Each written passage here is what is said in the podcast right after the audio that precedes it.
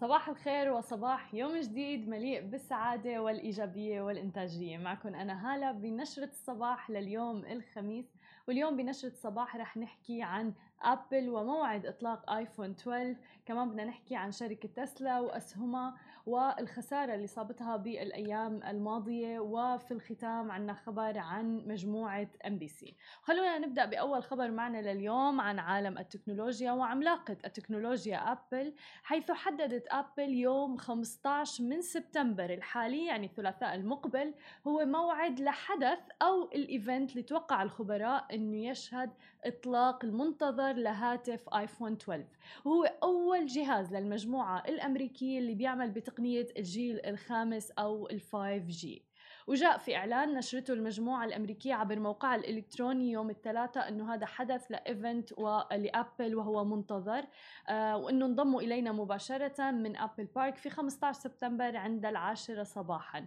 ولم تكشف الشركة العملاقة في مجال المعلوماتية عملا باستراتيجيتها التسويقية المعتادة القائمة على التشويق دائما أي معلومات إضافية لكنها درجت منذ سنوات على كشف نماذجها الجديدة من هواتف آيفون في الخريف. فمن المتوقع أنه يوم الثلاثاء القادم هو اللي يكون اليوم المنتظر لإطلاق آيفون 12 طبعا تم شوي تأخير بالموضوع بسبب كورونا إغلاق المصانع وغيرها لذلك آه، متوقعين أنه يتم إطلاق آيفون 12 في الأسبوع المقبل. ولكن أكيد نحن رح نواكبكم بآخر التفاصيل والمستجدات أول بأول.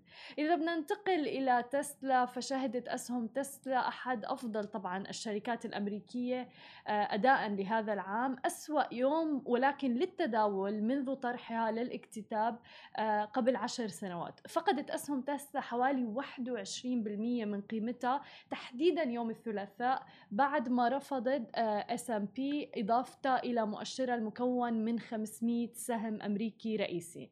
وكان سيتطلب إضافة الشركة إلى المؤشر من مديري المحافظ شراء أسهم إضافية وهذا الأمر ساهم بترقية جزئيا بارتفاع أسهم تسلا بالأشهر الأخيرة. وفقد رجل الأعمال الأمريكي والرئيس التنفيذي لشركة تسلا إيلون ماسك نحو 16.3 مليار دولار من ثروته بيوم واحد فقط. مع تسجيل سهم الشركة أسوأ أداء يومي في تاريخه وهبطت ثروة مؤسس تسلا إيلون ماسك إلى 82.3 مليار دولار يوم الثلاثاء. طبعا مع تراجع سعر السهم بنسبة 21% إلى 330.21 دولار. وبيسيطر إيلون ماسك على نحو 21% من أسهم عملاق صناعة السيارات الكهربائية تسلا. وكان إيلون ماسك انضم خلال شهر أغسطس تحديدا الماضي ولفترة وجيزة إلى أثرياء العالم اللي بتبلغ ثروتهم 100 مليار دولار.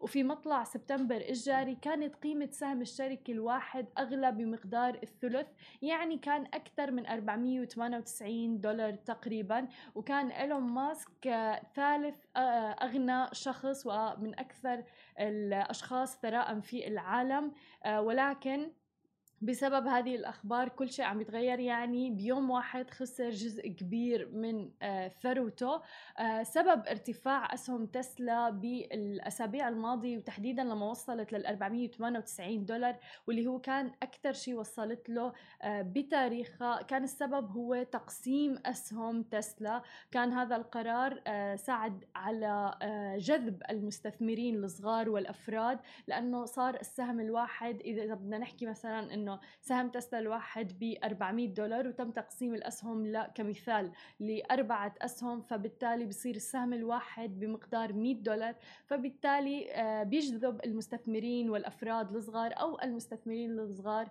لأنه يكون عندهم أسهم بتسلا.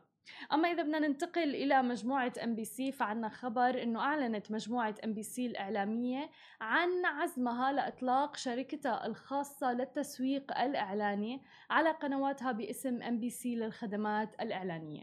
وذلك بالشراكة مع مجموعة المهندس القابضة وهي مجموعة إعلانية واستثمارية تمتلك أعمال الشركة العربية للتعهدات الفنية المختصة تحديدا في الإعلانات الخارجية وتحديدا في المملكة العربية. السعودية وقالت المجموعة الإعلامية أمس أنه بعد انتهاء العقد الحالي اللي امتد لخمس سنوات مع شركة اي ام اس اللي هي Arabia Media Services واللي هي إحدى شركات مجموعة شويري.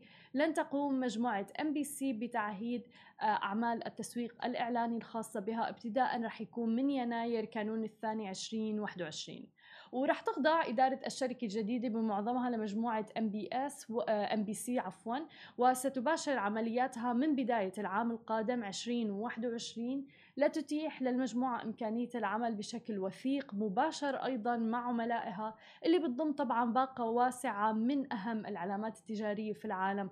أيضا شركائها من شركات التسويق والإعلان حتى مشتري الوسائط الإعلانية والرقمية وغيرها. طبعا إنهاء الاحتكار الإعلاني من قبل شركة أو مجموعة شويري إعطاء المجال للشركات السعودية هي خطوة جدا مهمة وخطوة للأمام آه، بتاريخ مجموعة إم بي سي. هذه كانت كل أخبارنا الصباحية لليوم. ما تنسوا تتابعونا على كل مواقع التواصل الاجتماعي الخاصة بسماشي تي في. تسمعوا البودكاست تبعنا وتنزلوا الأبليكيشن. نهاية أسبوع سعيدة للجميع.